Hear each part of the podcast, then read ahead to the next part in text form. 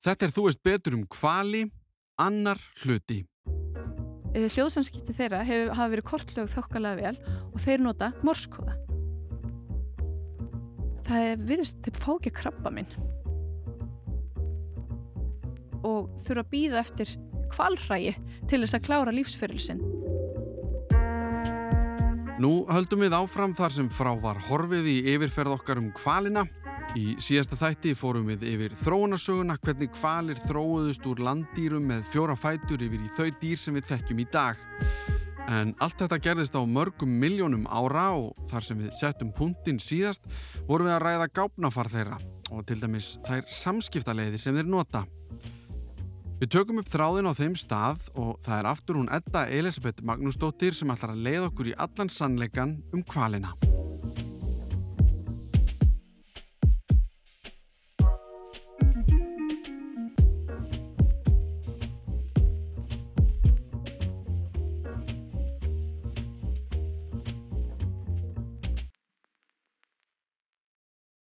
Eins og til dæmis ef við hugsaum um prímata þá eru þeir nota alls konar hljóð en þeir nota líka rosalega mikið líkamann.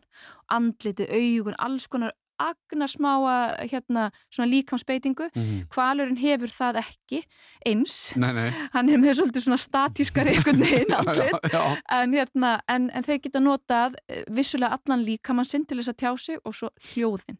Svo að það að vera félagsstýr eigur verulega líkunar á að það þróist meðal þeirra tegundar miklir vitsmunir sem að sagt, svona, já, kannski þróunin er eh, segja, drifin áfram af því að uh, þær tegundir, þeir einstaklingar sem eru útsjónalsamir geta unnið einhver á sitt band, unnið saman treyst einhverjum til mm. framtíðar, ég ger eitthvað fyrir þið núna þá kannski hjálpar þú afkvæmið mínu eitthvað tíman þú veist, þetta er komið þangað þá ertu komið með svolítið, mm. þetta, þetta reyðir á mjög uh, svona fungerandi hérna, heila mm -hmm. sem að getur lagt á ráðin langt fram í tíman En ég veldi bara fyrir mér að því við vorum að tala um hópana Já. og það er það sem að sér til og með hjá háhörningum, hjá höfrungum mm -hmm. er steipiröðurinn eins? Og, eða, og það er þetta, er þetta öðruvísi Já Málið er að við vitum meira í meiri upplöst getur við sagt um uh, vitsminni háhörninga og annara höfrunga þegar þeir hafa verið í haldi mm -hmm. og það er búið að kenna þeim allt mögulegt og þekkja munum og þessu og þessu og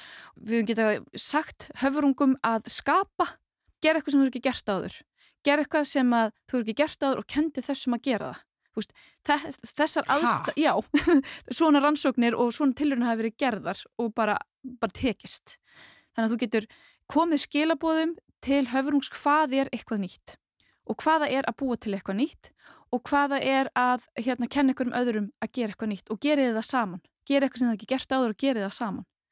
Þannig að til þess að þetta sem geti mögulega orðið þá þarf þurfa dýrin að geta tjáð sig og sagt frá einhverju sem er ekki búið að gerast og hefur ekki gerst áður.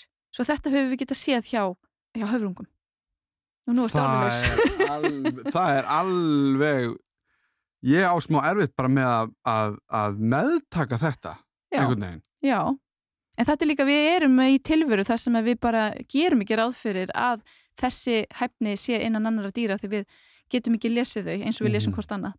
En, en, en af því að þú spyrist hérna stóru kvælina þá höfum við ekki getað rannsakað á þennan hátt. Og þetta eru einfarar mestmægnis uh, en treysta samt á uh, aðstof frá hverjum öðrum og þar eru svona félagskerfin öðruvísi. Steipiröð getur syndum hafið í sinni stóru stærð og að fá að hérna, afranningja án, án nokkur að hjálpar og getur fundið sér fæðu en þegar þeir eru á fæðuslóðum að þá eru þær steipiröðar til dæmis og langriðar eru að kalla, mynda alls konar hljóðköll og þú sér þær oft koma saman og ég á til dæmis Hérna, eða hef, var á staðunum og, og vinnum minn sem tók upp drónamindband á sama tíma af eh, langriðum sem voru í, í fæðuöflun. Og þá sér maður þær eru að raða sér upp á mjög systematískan hátt.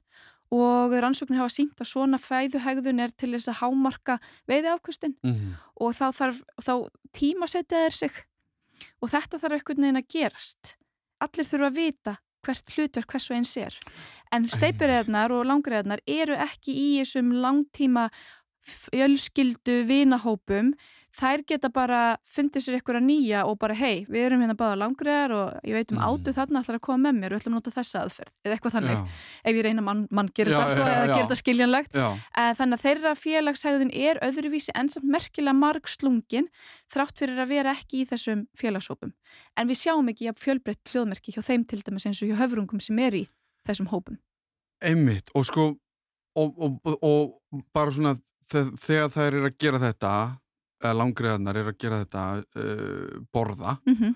það er það sem við sjáum það, það sem þær eru að koma upp Já. úr sjónum munnin opinn og bara, og bara einhvern veginn Akkurat, akkurat því, Þá er það þessi sko samskipti, ja, mhm. hljóðmerki mm -hmm. eða eitthvað og sko að og mér langar kannski smá til þess að gera greinarmun á að því að við erum ekki búin að tala heldur um hvar til dæmis eins og langriðarnar eru. Mm -hmm, þú veist að því að mm -hmm. það ferðast náttúrulega um allt mm -hmm. og við vitum og þú nefndir hérna uh, ra, ekki ratar heldur uh, þess að ráða með háherðingin og livrina já, hérna, bergmálsmiðun. Mhm, mhm. það kalla sónar á ennsku já, sónar, já, einmitt, ekki ratar en, en og við höfum heyrt hvala hljóð þessi mhm. löngu einhvern veginn há, já sko fyrir að fyrsta, hvað er það og er þessi, þessi sónar mm -hmm.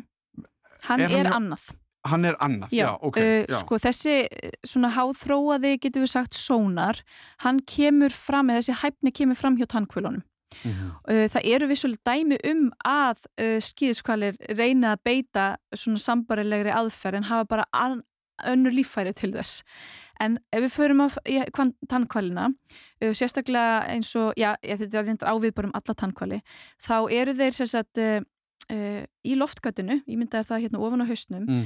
rétt undir loftgatinu er svona struktúr sem að kallast hljóðvarir og færast til og frá eftir hvaða hljóð þeir að myndast og þeir geta myndast svona smelli þar. Mm. Og, og hljóð, bergmálsmiðun eru smellir. Mm -hmm. það er sérstaklega, hérna, eðli hljóðsins er þannig að það er ekki á það er, eh, hvað maður að segja, þetta er stuttur hljóðpúls, hann dreifist yfir langt hátt tíðnisvið getur fæðið upp í mjög háa tíðni og stundum nokkuð lága tíðni en það var þetta eitt púls sem hefur rosalega bre mikla breytt í tíðni mm -hmm. Mjög stefnumiðaður, hann sést að dreifist ekki mikið út, er svona svolítið með mjóan mjótt hotn, getur við sagt, útbreyðslu hotn mm. þannig að þessi púls já, þetta er svolítið, getum ímynd okkur ef þetta var í ljós, það væri svolítið eins og leyser mm -hmm. og þannig að hljóðið fer, ég bý til smell og það skoppar tilbaka af uh, einhverju fyrirstöðu og skoppar tilbaka og kvalurinn skinnjar það í gegnum neðri kjálka sem að flytur hljóðið upp í eiru og þar prósessar hann hljóðið, það vinnur úr hljóðinu uh, og áallar hversu langt var í þessa fyrirstöðu, er hún nokkra sentimetra, er hún einhverja metra eða jafnvel kilometri burt eftir hvernig hljóðpúlsin er og, uh, og, og, og þetta geta er nota til þess að finna fæðu, rata og svo framvegs. Þannig að þetta hefur verið ofbúslega mikilvægt í hæfni tannkvala mm -hmm. að mhm. nota þessa hljóðpúlsa til rötunar, til að finna fæðu en sumir nota það sem eh, hljóðsamskipti og svona til þess að hérna, eh, láta kjálkan detta enn neðar hjá sumum hlustundum kannski er að búrkvalir og eh, nokkur tegundir svo kallara svínkvala eins og andanefjur nota bara smelli og til þess að rata en líka til þess að eigi samskiptum og þetta getur verið eins og, eins og hérna morskóði Þannig að búrkvalir sérstaklega, eh, hljóðsanskipti þeirra hef, hafa verið kortlög þokkalega vel og þeir nota morskóða. Þannig að langt, langt, eh, stutt, stutt, Nei. langt, jú. og það þýðir mismunandi og getur þýtt mismunandi nöfn eða, eða í sumum kvalahópum hefur það komið í ljós að einstaklingar eiga sér hljóðmerki þannig að það eru nöfn. Nei, þetta er kæftæði Nún er ég loksins að kóla kæftæði á þetta. Ég skal bara sækja vísendagreinar og senda svo þú getur sínt þetta hlustundinum Það þetta, er magna Þetta verið rannsakarindar í mörg ár. Þetta heitir Sperm Whale Codas það kallast Codas, þessi tungumáli já. Svo já. Og þetta eru tannkvalir Þetta eru allt tannkvalir og, og sko að því mér langa, sko, ég vil, ég vil halda áfram að tala um þetta, en þá sant, fór ég að pæli, sko, að þú sagðir þá finna, er, hvað er þarna, eða er hérna, þú veist, að því ég fór að pæla í augunum Já, sjáðu já. ekkert sérstaklega ekki sérstaklega vel, nei, nei. Ok, þeir náttúrulega bara treyst, þeir nota augun alveg og sjá mm. kannski svipað við með sundgliraugu í, í vatni kannski Mhm. þeir eru náttúrulega með svona slím húð yfir augunum sem að Mhm. verða þau fyrir vatninu þeir eru með kúlulaga hérna augastein, okkar er svona hérna spóruskila Mm og kúlulaga augastein er betri til þess að hérna fá skýrari mynd í vatni það, það tengist ljósbroti á Mhm. kúlulaga hérna flöt -hmm. eða gegnum kúlulaga gegnsæðan hlut. Mm og hérna þannig að þeir sjá alveg en eru með augun sitt hverju megin á höfðinu þannig að þeir eru með svona svolítið svona 360 gráðu sjón -hmm. en uh, þeir geta lítið treyst á sjóninu nema ef þeir eru í byrtu og þeir eru í grunnsæfi og eru nógu nálátt hverjum öðrum svo Mhm. þeir nota vissulega líkamsbeitingu og svona þeir eru nálátt hverjum öðrum Mhm. og ég hef verið nálátt kval og hann er alveg að horfa á mann og þú veist bara sér hljó, augun færast og fylgjast með manni þannig að Mhm. þeir sjá alveg Já, en í hafinu, þessu mikla hafi sem er meir og minna dimmt já, þá koma augun voða takmarka gagnið, þú þarfst að vera með önnur öflugri skinnfæri. Og það Að koma þið- hljóðin og, og heyr, heyrnin. Auðvitað, já, já, já.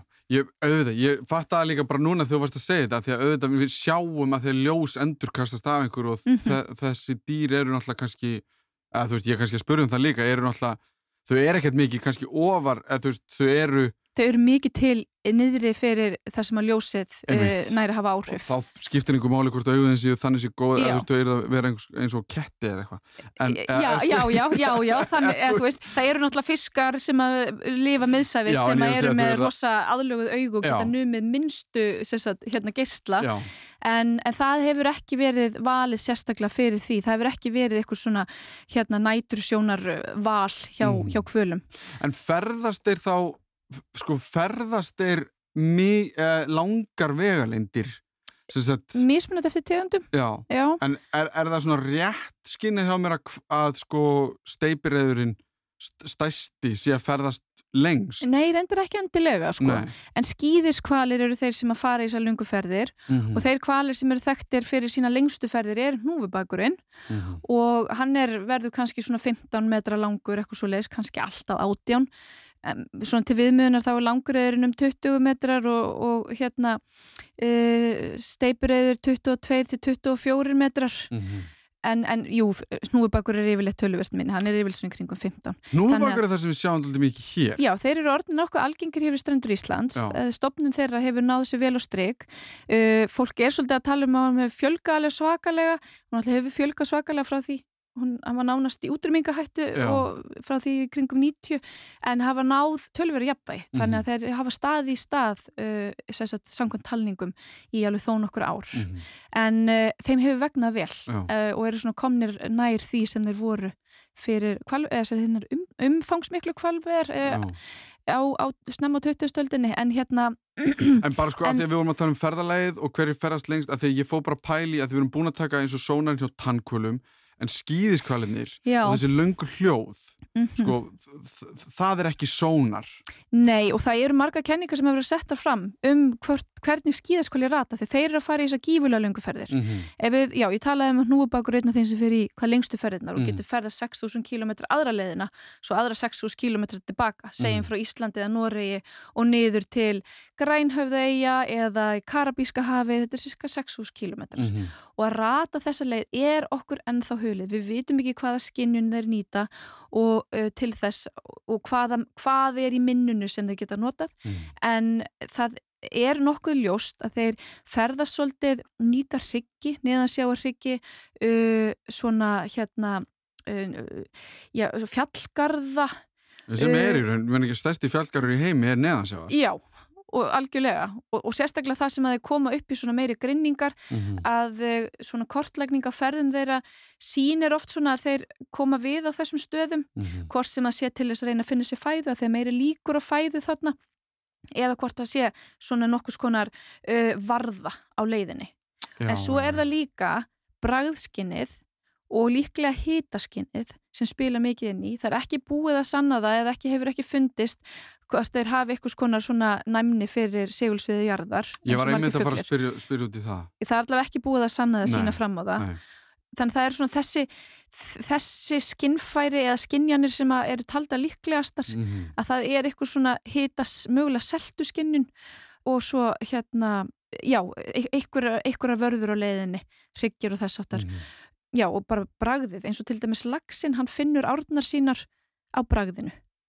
Svo, og, og skýðiskvalir eru með næmt bragðskinn en tannkvalir hafa tapað bragðskinninu tannkvalir nota bergmálsmiðun til að rata far ekki jafn langar ferðir en skýðiskvalir eru með bragðskinn svo mögulega er það eitthvað í bragðskinnu sem getur hjálpað þeim að fara á mitt og þetta er einnig að tala náttúrulega við þú veist, þau vorum að tala um gáfur veist, að já, læra já. og að vera kunnugur staðhátt og, og það er sko einmitt með eins og skýðiskvalina það er að hafa oft kannski frekar haft á sig svona heimski frændinstimpillin vegna þess að þeir eru ekki með svona það er erfiðar að sjá vitsmununa hjá þeim að þau getum ekki rannsakað á eins mm -hmm. en við höfum til dæmis séð þegar við erum að tala um að læra hvernig þeir flytja upplýsingar sín á milli þeir læra hljóðmerki frá hverjum öðrum núubakurinn lærir söng frá hverjum öðrum þeir enda á að syngja alltaf sama söngin á hverjum vetri kalldýrin með því að hlusta okkur annan og stilla sig af og syngja eins. Og þannig breytist söngur núubakstarfsins sem er skýðiskvalur mm. á hverjum vetri. Við kallum þetta svona tilflutning hérna, menningar eða söngmenningar eða cultural transmission. Mm. að kvalir eh, sem að er innan sama útbreyðslu og farsvæðis syngja sama söngin, þannig að það er sama til dæmis söngmenningin og hnúfubakar sem að eru ekki að hittast á farleiðum eða hittast ekkit yfir veturinn eða árið, segi mm. þeir eru mjög líklega til að syngja töluvert öðruvísi söngva, þeir þurfa að hittast til að syngja eins, svo þeir læra söngva og söngrunur runur sem geta verið alltaf 20 mínútna langar sem þeir endur taka í réttri röð aftur og aftur. Þeir læra þetta af hverjum öðrum og það hefur verið sínt fram á að sumir hnúubakar verðast vera svona nýsköpunar gjarnari og koma inn með nýja tóna sem aðrir herma eftir. Það hefur verið sínt hvernig þeir læra veiði aðfyrir af hverjum öðrum, líka hjá hrefnum, dæmi um hrefnu, uh, svona hópa hrefna sem að hafa haldið til í St. Lawrence flóa í Kanada.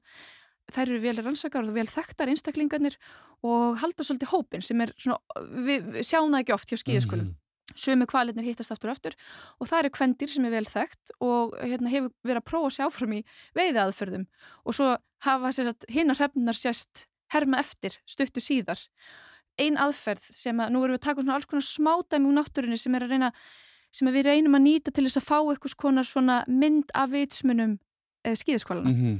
Hnúubakar, þeir geta veikt með loftbólunetti. Margir krakkar sem eru kannski að hlusta okkur, jafnvel hafa hýrt um það áður. Uh, loftbólunettið er mjög háþróið tækni við að það getur við, myndi ég segja, mm. uh, þá eru, eru þeir nokkri saman, vinna saman og það er einn kvalur sem að, hnúubakur, sem að sérum að mynda loftbólur með jöfnum millibili. Þá er einhver kvalana búin að staðsetja fiskitorfi. Við ætlum að fara í þessa fiskitorfi. Þá er og yfirlegt sá sem að finnur fiskitorfin og stýrir veiðinni, hann fer undir fiskitorfina og byrjar að synda í ringi og sleppi frá sér loftbólum með jöfnu millibili. Og loftbóluna stíga upp og stækka því lengna er yfirborðin sem það koma og mynda bara svona þjætt ringlaga net umhverfist torfina og þegar netið stýð upp að þá og fiskurinn fylgir, tor, hérna, eh, sagt, fylgir eh, netinu, loftbólunetinu og vill ekki synda út á milli er eitthvað neinn, mm -hmm. vilja bara ekki fara í gegnum loftbólur eða eru svona, já þeir eru svona rægir við það, fara með loftbóla kvalurinn er búin að fatta, búin að fatta þessa hegðum fisksins. Og svo kalla þeir svona hérna stríðsköllum sem að eru talda, talin vera nýtt meðal kvalana til þess að gefa merki en líka fiskurinn eins og til dæmis síldin er hljóðunæm og heyrir sér hljóð og bregst við því með því að, að fara undan hljóðinu og þá eldur hún sem sagt loftbólurnar og þjappa sér enn meiri torfu. Þannig að kvalurinn er með þessari, með því að vera svona útsmógin, er hann búin að plata fiskin til þess að þjappa sér í torfu upp að yfirborðinu af því það er auðveldar fyrir þá að koma upp með opinn kæftinu og geta. Svo sérðu það að koma upp hérna þrjá, fjóra, fimm, sex eftir hvað eru margir að vinna saman. Mm -hmm. Og þarna þarf hver kvalur að tímasetja sig og hann má ekki fara að stað fyrir hann fær merki um hvað hann eigi að gera. Þannig einhvern veginn koma þér þessum skilabúðum sín á milli, þið fæðast ekki með loftbólunets aðferðina inn í uh, erðaefninu sínu vegna þess að uh, við getum sagt að vegna þess að það eru bara svo svo margir kvalahópar sem við höfum séð gera þetta. Og þetta var vel þekkt úti fyrir Alaska. En svo hefur þetta hérna hafa kvalir hér uh, við Ísland lært þetta eitthvað staðar. Ekki Alaska, þau komast ekki þangað. Mm. en mögulega er þetta eitthvað sem að aðrir hafa fattað. Og svo flytja þér þekkingun á milli svo að við erum með alls konar svona smáatriði sem að svona, hm, býtu nú við, skýðiskvalir eru nú meira hugsanði heldur en maður átt að sjá. Og, hef, og svo er það það sem að upp á síðustu ár það sem fólk eru verið að ferðast með myndavélarna sínar, þá eru við að sjá alls konar atvikur dýraríkinu sem við hefum kannski ekki vita af annars. Mm og það eru komið þó nokkur dæmi um hnúfubaka það sem að þeir uh, skipta sér að veiðum háhörninga og reyna að stoppa veiðina komið veg fyrir að þeim takist að veiða dýra ykkur annari tegundjafel og þeir gera það fyrir sín eigin tegund algjörlega óskilda einstaklinga og leggja kannski sjálfa sig í hættu með því að reyna að stoppa háhörningana af. Og svo eru dæmi um það sem þeir hafa jafnvel synd undir seli eða synd undir mannfólk það sem að hákallar eru á ferðinni við getum ekki sannað nákvæmlega hvað kvalurum var að hugsa en það er svona margt sem bendir til að því að tala um samhugð mm -hmm. og eitthvað svo mhm. leiðis að þarna sé einhver svona hjálpsemi smá fórnfísi mm -hmm. eða kann stundum er hann að fórna sér stundum ekki mm -hmm. og það hugsa maður vá, af hverju ætli, hann gefa af, af hverju skiptir þetta kvalin nokkur máli mhm og það máli færi þetta yfir í svona smá raukvarslu út frá atverðlisfræðinni að með þessu móti þegar uh, núfubakur er að reyna að hjálpa annari tegund þá er hann að draga úr veiði árangri óvinnarins, getur við mhm. sagt, mm -hmm. af því að háhörningar uh, geta ógnað núfubökum Er það? Já, algjörlega, þeir veiða núfubaka í, í hópum En þá eru þeir aðalega að veiða kálvana. Já, já. þeir gætu alveg veitt svona stálpað ungdýr en, hérna, en fara í kálvana. Háhörningarnir með þeir, þeir eru, rosalegir. En svo eru þeir svo snjallir sko, þeir eru svo aðlandi. Svona all... óttablundin, óttablandin bla... virðing. Þetta er pínuð þannig sko. Svo að það er, lífrikið er bara svo ótrúlega margbreytilegt og óferisjánlega svo margt sem við vitum ekki, er svo mm. margt sem við gerum ráð fyrir að sé að því við sjáum bara svo svo mikið, mm -hmm. en það er þarna að falið eitthvað miklu meira heldur en við áttum okkur alveg lá og við erum alltaf að, við erum reglulega að fá svona smá sínisvort hér og þar mm. og kannski sem minnir okkur á, við erum bara all, hérna dýr hérna á þessari jörðu og aðlöguð að sambarlegum þáttum mm -hmm. og ákveðin hefni sem að hefur gert okkur manninu klift að fara aðra leið heldur en hindýrin. Einmitt. En sko, bara svona til þess að klára sko, þessi söngur þeirra er Já. tungumál. Þú veist, þeir virð, eða sko, þá með, eða, ok, tungumál er kannski of breytt. Já, vísindafólk myndi ekki samþykja að segja þessi tungumál, en þetta, eitt... en þetta eru skilabóð, þetta eru hljóðskipti. Já og það er líka eins og með háverðningana það er ekki alveg búið að segja þetta sé tungumál Nei, en þetta sé hljóðkerfi mm -hmm. og, og hljóðin sem geima í sig ákveðna merkingu. Mm -hmm. Þegar við erum komið með söngva eins og söngva hnúfubaka og steipir er og langur að syngja líka uh, og allir skýðiskvæli syngja, bara mjög mismöndu lög. Mm -hmm. uh, hnúfubakurinn er svona hérna alls konar, hann er messo, sopran og tenor og bassi og allt, hann mhm. tekur allan skalan í sínum söng og það er ekki fyllilega sannað hvaða er sem að drýfur áfram söng núubaksins af því að, jú, þeir mynda alls konar runur af hljóðum. Hljóðin eru ákveði mörg sem þeir geta sjálfur sem myndað uh, en röðunin á þeim er mjög margbreytileg. Og þetta verðist ekki endilega að hver kapli í læginu, því hver kapli er með ákveðin hljóð svo kemur næsti kapli með önnur mm. hljóð og svo framvegis, það er ekkit endilega að segja ykkur að sögu eða segja eitthvað um hérna, eitthvað svona mjög djúft um sjálfan sig hann gæti verið að senda skilaböðu kannski um eigin hæfni mm -hmm. um kannski eitthvað um líkamstærð eða, uh, eða bara sagt, hversu tilbúin hann er til að ekslast eða eitthvað mhm. svoleiðis Getur þetta uh, ekki líka verið bara eins og þegar úlvar góla? Já, þegar þeir eru að góla þá eru þeir myndið að senda frá sér merki sem berast langa leið og, það, og, og þau geta verið bara merki um hér er ég uh, í þessu ástandi uh, og uh, já, það, það getur verið eitthvað, eitthvað ákveð sem okkur getur dott í hug Já, sé að við, við kannski myndum ekki segja ok, þetta er tungumál en þetta er einhvers konar Þetta eru samskipti að, og það, í kannski einu hljóðmerki getur margt verið falið, margur hægt að skilja margt eða vita margt frá einhver einu hljóðmerki og getur Einmitt. kannski vita að þetta er líklega alfa kalldýr sem er svona langt í burtu frá mér mm. og hann mhm. meinar þetta já, já, já. Uh, með hnúubakinn að af hverju syngja er svona ofbúsla flokna söngva eitt er að þar sem þeir syngja þá er umhverfið þess eðlis að það er heppilegt að vera með mjög fjölbreytt og tóna uh, það, þeir eru í grunnsæfi oft mm. og þar sem þeir eru að syngja en eru líka að syngja í djúpsæfi eins og farliðum þar syngja þeir og eru byrjaðar að syngja æxlunarsöngvana og svo halda þeir áfram þegar koma á uh, svona æxlunarsvæði mm. sem eru í meira grunnsæfi og hljóðbylgjur haga sér mismunandi eftir hvernig botnin er.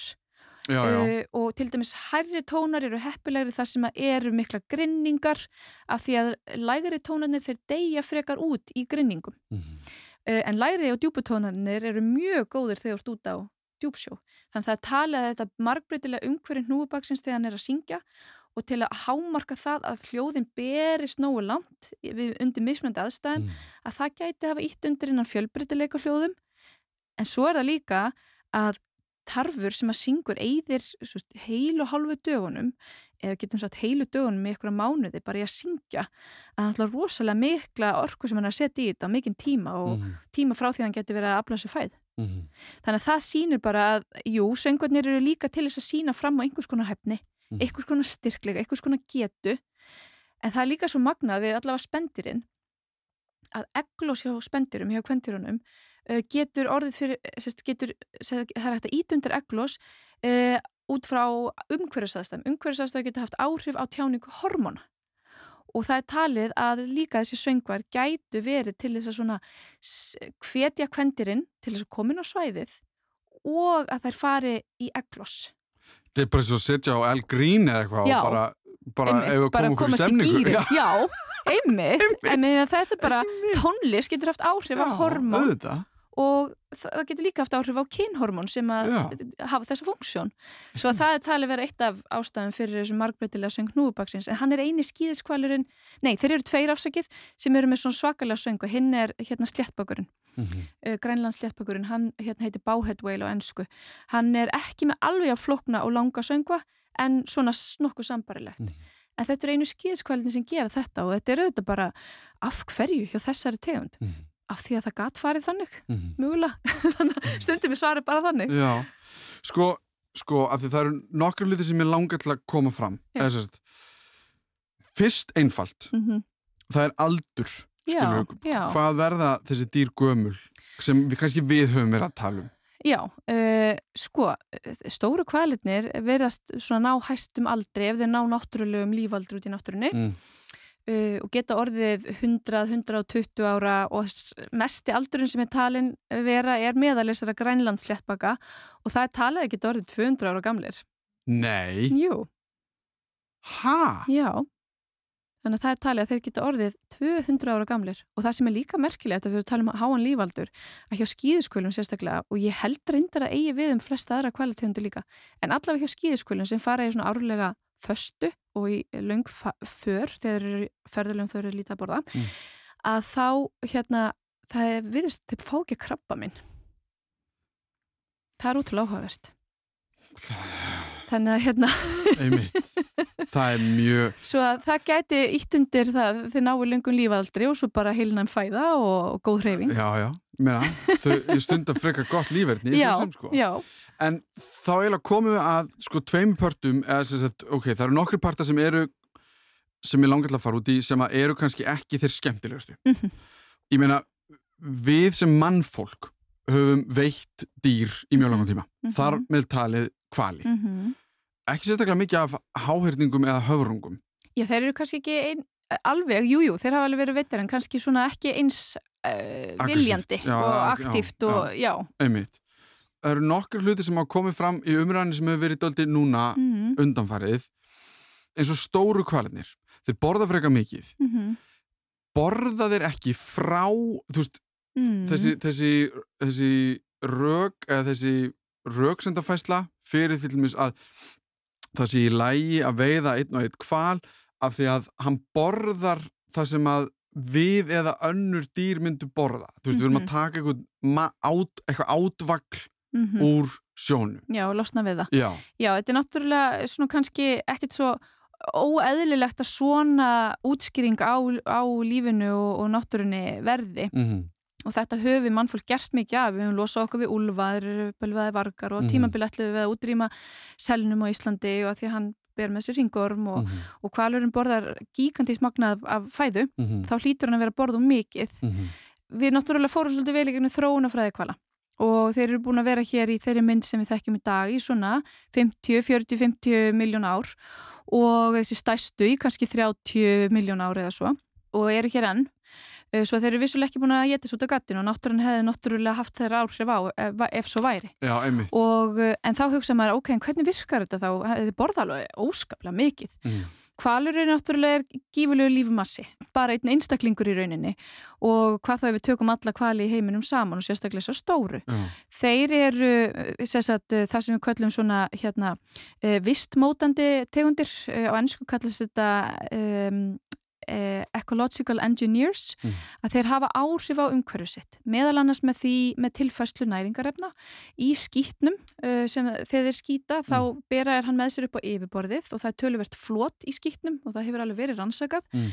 auðvitað viljum við fleiri rannsóknir á þessu til þess að skilja þetta enn betur um, og þeir skýta mikið til þeir eru uppi að anda og eru að kvíla sig mm -hmm. það losa þeir og það er rosalega mikið magna skýt sem kemur úr stórum kval mm. og í þessum skýt er hérna ímis ólífræn efni sem að kvalurinn þarf ekki en svifþurungarnir nýta Sagt, ég mm. tala um næringarefni áður þegar ég var að tala um ringströmmina á söðukvelinu að þar flytjast næringarefnin frá botninum og upp á yfirborði og það er eitt af mikilvægastu flytningarleðum næringar í hafinu mm.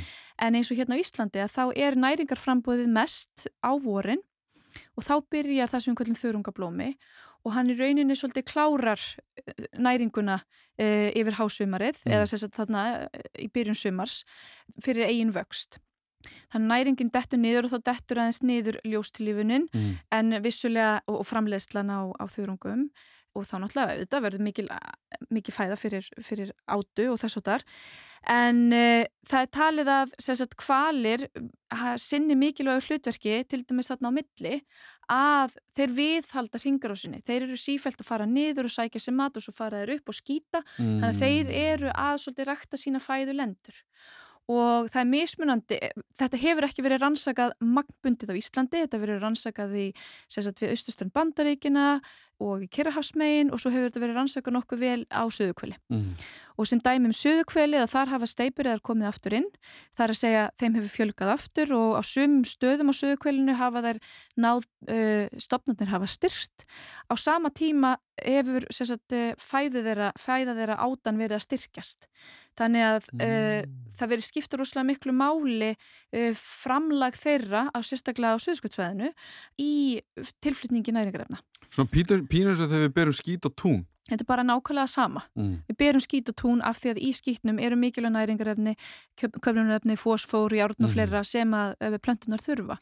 Að Svo að þeir eru þetta, gefa tilbaka eins og við við náttúrulega tökum úr mhm. hafinu mm. en gefum ekki mikla næringu tilbaka, mm. nýtanlega næringu og með þessu þá náttúrulega þetta þegar svifþurungurinn er að, er að sínu störfum og þá er hann vissulega binda koldvísýring og, og það er svolítið tala um bindingu kólefni síkvölum. Ég hef aldrei almenna skilið það. Sko það er í rauninni öll dýr bindið sér kólefni og því lengur sem lífverðan lifir og því starri sem hann er þá því lengur er kólefni bundið í lífverðinni og meira af því, því starri sem hún er. Mm -hmm. Þannig að minnsta fluga og stærsti steipur er öll bundum við kólefni mm -hmm. uh, og, og trén og allt það trénvissulega geta að lifa mjög lengi mm -hmm. og þau binda beint. Mm -hmm. en við erum mjög mikið talað um í dag kólumnis, já, já, skóar og já, allt þetta. Þannig að hvalir ásamt öllum öðrum dýrum eh, leggja mikið, mikið sagt, að mörgum í að kólefni sé bundið í eitthvað annað heldur en að það sé í formunu CO2 eða CO3 mm. eða eitthvað svo leiðis, eða CO4 segi, uh, sem er metan. En hérna Uh, og svo þegar þeir sökku til bots að þá nýtast líkamar þeirra í fæðukeður botsins mm -hmm. og framleiðsla næringarefna er af, afskapla lítil á botninum lífurinn þarf treyst á það sem fellur niður mm -hmm. og kvalurinn er rauninni greinlega það mikilvægur hefur það gegnum uh, ár miljónirnar að þarna hafa þróa sérstakar uh, sérstakir hryggleysingjar sem eru botthryggleysingjar sem að taka ekki út klára ekki lífsferilsin nema þeir lendi á kvalarhægi eða kvala, geti komist að kvalarhægi Þannig að þegar kvalarhæg fellur að þá koma alls konar lífurur, sérhæðar og ósérhæðar, mm. sem að geta upp hrægið og sérhæðar lífurur sem að klára uh, bara lífsferilsinn, þroskast yfir í kannski fullorinstig og verpa í kvalnum og, og hérna koma á stað næstu kynsluð og þurfa að býða eftir kvalhrægi til þess að mm. klára lífsferilsinn. Og það eru þó nokkrar svona tegundi sem að þekkjast og margar sem að hafa hefur farið mingandi með mingandi uh, stopnum kvala og bara svona gefur okkur vísbendingum mikilvægi þeirra í visskerfinu og, og svona mm. fjölbreytt hlutverk þeirra í visskerfinu. Þannig að kólumnisbindingin er náttúrulega þá kannski falin í bara að þetta er resatór dýr sem lifir í langan tíma. Já, sjálfur sér. Og resatór tré sem lifir í langan tíma. Absolut, já, já nema tré náttúrulega þau binda beint og það er já. auðveldar að magnbinda eða magngreina kólefni sem að tré er að binda, mm af því mhm. það bindir beint úr andrúsloftinu en kvalur náttúrulega bara tekur kólefnið í gegnum fæðu sína mm -hmm. og uh, kólefni sem, sagt, uh, sem er í, í lífrænum vef það getur losnað út sem uh, koldfísýringur við til dæmis niðurbrot, niðurbrot er bara rótnun mm -hmm og ef að sagt, eitthvað rótnar þá eru, eru bakterjur og sveppur að vinna á vefnum og þær losa frá sér koldvísýring sem svona auka mm -hmm. afverðirunni það þær sinna ímsum bruna og mhm. svona, það er önnur lífræði sem við kannski förum ekki út í núna en En þegar kvalurinn fellur til bots, þá fer hann inn í fæðukæðina þar og það sem er ekki nýtt, ef eitthvað er ekki nýtt, þá fellur það brófin í jarðlaugin og verður smátt og smátt að einhverjum kólum eða olju. Mm og þá er það bindingin þar eh, bara til mjög margra, mörg þúsund ára mm -hmm. en ef það er í fæðuvefnum sem að langstæsti hluti kvalsins fer inn í þá er mjög lítil, sérst, ef þetta er í djúpsjó þá er lítil samtenging millir djúpsjáar fæðukeðju eða fæðuvefjar mm. og uppsjáar mm. þar sem að loftskiptin eru meiri Þannig að þannig í rauninni binda þeir kólefni lengur með því að flytja það yfir, þó að það er síkja aktíft að gera það, en segjum sem svo, flytja kólefni yfir í fæðuvefin og yfir í aðra lífuru sem eru á botninum, mm -hmm. þá dregur það úr því að kólefni sem var í kvalnum losni út úr yfirborðinu sem koldfísýringur. Mm -hmm. Svo að eða bara hérna, já, eða sérst upplýstur koldfísýringur í hafi. Já, já svo að uh, þeir vissulega leggja fram í kólefnisbindingu en maður þarf að fara svolítið varlega í að staðhæfa kvalir uh, munu sjá bara um þetta já, já, þeir gera það þið, ekki einmitt. sko en þeir leggja mikið að mörgum mm -hmm. uh, og svo eru þeir, já, þannig að þessi, tilflytningur og næringarefni þeir tempura svo fæðustofna líka og draga úr kannski þá draga úr rauninni mikill fjölgun ákveðina fæðustofna mm og ef það verður mingun á einhverjum fæðustofnum þá verður mingun í kvalastofnunum eða þá að hann fer inn í einhverja aðra fæðu. Mm -hmm. svo þeir vissulega sveiplast með sinni fæðu. Þannig að stór rándir og bara stórar lífur eru taldar gífulega mikilvægar upp á að viðhalda jafnbægi í visskerum viðhalda jafnbægi í sambandi sérst lífvera mm -hmm. með því að tempra, með því að flytja næringu, uh, vera svona afkasta mikil per einstaklingi næringaflutningi mm -hmm. og flytja miklu næringu niður til bots. Er ekki doldið áhugaverð líka að þetta var í jafnvægi áður en að viðbyrjuðum að skipta okkur að þessu? Já, já. Að þegar þú nefndir Ulfana já. áðan mm -hmm. og það er mjög frækt dæmi núna mhm. held ég einhver stær í bandaríkjum. Yellowstone. Yellowstone, já. já. já það sem ólöfnum voru teknir mm -hmm. og þá allt í nú var, þú veist, þá fór þetta allt í eitthvað böllarugl sem voru aftur settir inn og þá var það eins og kemist jafnvæg á, þú veist, af því að... Já, og bara lífbreytileiki svæðisins bara breyttist. Fjölbreytileikin var bara... Það var í rauninu vegna þess að þeir eru svona toppafræningar mm -hmm. og þeir, uh, úlvarnir, þeir borða eða veiða uh, hjartardýr sem eru hérna á svæðinu mm -hmm. og elgi og ýmislegt og með komið þeirra aftur að þá fara þeir að pressa svolítið á elgina mm. og, og hjartardýrin, hinn hjartardýrin uh, og þau fara að dreifa sig meira og uh, valsa ekki eins mikið um og geta ekki eins mikið gróður og verða aðeins færri. Mm -hmm. Þannig að gróðurinn fyrir að vaksa bakka árinar, þeir fara að vera heilbreyðaru og gróðurvaksnari, þannig að árfarfurinn helst stöðugri, ótrarnir koma aftur uh, og þeir fara að byggja einhverja stíplur sem að hefur reynst Uh, ég man það ekki akkurat núna, einhver annar getur hjálpað mér sem annar lífræðingur mm -hmm. mögulega en stíplugerð þeirra hefur einhver áhrif á visskerfið í kringum mm -hmm. sig á, á jákvæðan hátt og með þessu móti að þá fóru fleiri og fleiri tegundir að koma inn, fleiri rannfuglar líka og fleiri bara tegundir af fuglum, hérar og ímislegt, það var mm -hmm. ótrúlega margt sem að var, það voru fleiri tegundir og það var meiri, meiri þar alveg meiri lífbreytileiki mhm. og eh, meira jafnvægi eitthvað neginn Um. Það vantaði bara þessa toppstjórnun mm -hmm. að því að mhm. visskerfin eru alveg stýrð oft og stundum sjáum við að skýrt hvernig þau eru stýrð stundum við kvöllum það hérna, bottom up þá stýrastu svolítið að heilbreyði frumframleðandana sérstaklega mm -hmm. en, eh, en ef þau eru top down þá eru það rándirinn sem eru mikilvægi í viðhaldi jafnvægis mm. og það er eitt af því sem að fleiri og fleiri rannsóknir eru að sína fram á að stór dýr eins og skýðiskvalir og bara stóri tannkvalir líka mm. uh, og þetta þurfi ekki heldur að vera 20 metrar dýr, mm. bara þessist hrefnan sem eru kannski 9 metrar eða, eða höfrungur sem eru 3 metrar eru mm. teljast alveg stór dýr -hmm. og uh, þannig dýr í lífriki sjávar eru talin bara og, og, og þarna á ég líka við um hákarla og seli og mm -hmm. þessi stærri dýr að þau, það er mikil samtinging millir heilbreyðis þeirra stopna og jafnvægis í visskerfum þeirra mm -hmm. þannig að fleiri og fleiri rannsóknir er að sína fram á þetta það er ekki allar alltaf alveg með nákvæmlega sumi niðurstöður en ef maður skoða rauða þráðin að þá eru sífælt fleiri að sína fram á að eh, þau auki frekar stöðuleika visskerfisins heldur en taka frá okkur þegar við hugsun svolítið hvalurinn getur ósa mikið að loðinu mm -hmm. eða mhm. mikið að síld sem hann getur, algjörlega gert, sérstaklega hnúfubakurinn, en hann getur líka farið í aðra fæðu. Mm.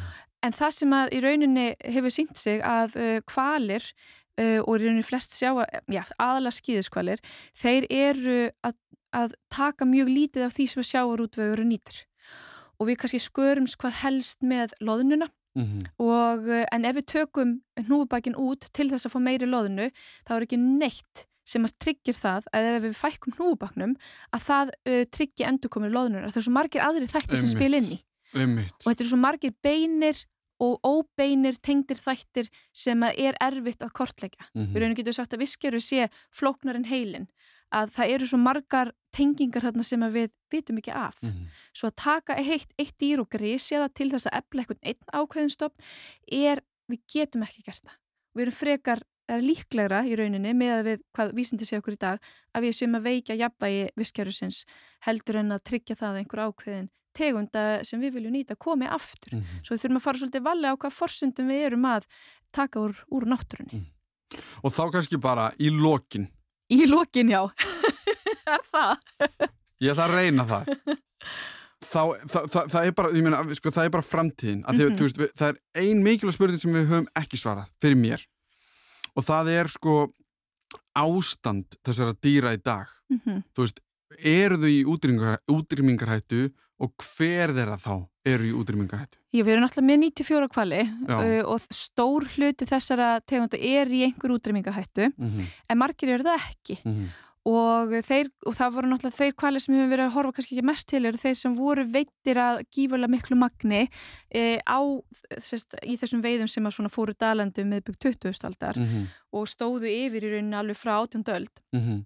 og jafnvel fyrr 17. öld ef við förum alveg til Baskana en e, Þetta eru þá steipireiðar og langreiðar og hrefnur og hnúbakar og, og svo er það búrkvalurinn vissulega líka og það eru hérna sandreiðar og, og svona fleiri eh, kvalir. Þetta er svona þeir helstu sem voru veitir. Mm. Þær tegundir af þessum kvölum sem ég taldi upp núna sem hafa náð sér þokkal á stryk eru hnúbubakurinn á flestum stöðum í heiminum eh, af því við þurfum að skoða út frá stopnum mm -hmm. af því að stopn hnúbaka á einum stað er ekkert að makast við stopn eitthvað í Kirrahafi þannig að við verðum alltaf að meðhandla dýr í stopnum mm -hmm. þannig að stopnin hér í Norður Allandshafi hefur náð sér þokkalástryk og náði bara ágætis flugi eftir svona 1990 þegar þeir voru einhver nokkur þúsund dýr mm. upp í einhver hérna 11.000 dýr í íslenskar landhelgi mm -hmm. uh, og steipureyðurinn nær sér ekki eins velástryk uh, langureyðurinn hefur náð sér þokkalega velástryk mm. í Norður Allandshafi Uh, en, en Kirrahafinu, Gíbraltar, langriðarnar þær eru í mjög vondumálum og í, í hérna ég meina miðjarahafinu, ekki Kirrahafinu miðjarahafinu, Gíbraltar á því svæði þar eru langriðarstopp sem er ekki eins góðum málum mm. og þau, þær eru flokkar í útrýmingahættu Svo þetta er svolítið mismunandi en mm. það eru kannski helst hnúfubakur og langriðar sem eru sennilega komnar nálagt því eða komnar í þann þá stoppstar sem þar voru fyrir uh, umtal, þessi umtalsveru kvalveðar okay. hér á öldum áður mm -hmm. uh, en það er erfitt svona að segja með vissu hversu stóri stoppnar voru, sumi vilja meinar hafi verið ennstærri mm -hmm. á suðskautinu eru við líka að sjá þetta með uh, hérna aðalega kannski hnúfubaka mm -hmm. svo að þær langriðar eru ekki í útrymmingarhættu í Norður Allandshafi mm -hmm. og það er talið að hildar Norður Allandshafstofnin eða svona, já, og, og ef við megum segja stoppvegnis, þær eru ekkit allar að hittast og geta mögulega að mhm. makast, mm -hmm. en svona ef við tökum þær sem er í Norður Allandshafi þá er talið að séu kringum 40.000 mm -hmm. og það er alveg ágættis fjöldi það er ekkert mikið ég meina, hérna, já, það er ekki mikið fyrirspendir í rauninni nei, nei. það eru er nokkur tíu þúsunda Mm. á gífulega stóru svæði en það eru ekki útrýmingahættu Ok, þannig að við erum allavega, þú veist, ég var mjög hrættur um sko að við værum, þú varir að fara að segja mér að þver, eða sérst, varir að fara í hinn áttina. Já, þannig að þetta er verið allavega eins og staðanir í dag, þá hafa það náðu sér vel á strik en við Mhm. höfum samt ágjör vegna þess að ímiskonar merki eins og uh, hérna bara líkamsástand uh, sjúkdómar og ímislegt það eru svona farin að koma merki um að þetta sé að hrjá þessa kvali enga síður Mhm. að líkamsástandi sé oft verra það hefur verið rannsóknir á hrefnum sem hafa sínt lægri frjósemi og það endur speklar oft meira álag uh, og erfiðar að finna fæðu og við vitum að svo breyting er að eiga sér stað í hafinu núna og sérstaklega hratt uh, um þessar myndir Mhm. uh, náttúrulega varmarým tafsins mikil þannig að hitin hefur sapnast upp meira í hafinu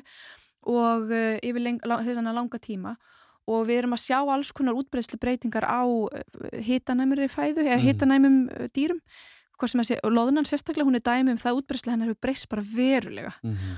og uh, við sjáum það líka með síldina og ímiskonar krabbadýr, sviflega krabbadýr og, og, og fleira og tími, hrygningar og ímislegt Mhm. þannig að hitasti hefur rosalega áhrif á hversu vel gengur fyrir fiska eða einhverja hryggleysingja að hrygna uh, og að, að, lirfurna lifi af. Mhm. Þannig að við erum að sjá álag á þessi dýr, bæði hvað var það súrnun og hitastigsbreytingar uh, og þetta hefur þannig áhrif á kvalina. Þeir þóla hitastigsbreytingarnar per sé en eiga í vandræði með að finna sér fæðu og það er það sem að maður hefur töluverðar áhyggjur af þegar við vitum að það er mikla breytingar í hafinu, mikil breyting á stoppstærðum útbreyðsluðra og það hefur náttúrulega áhrif á getu kvalana til þess að uh, já, þrýfast.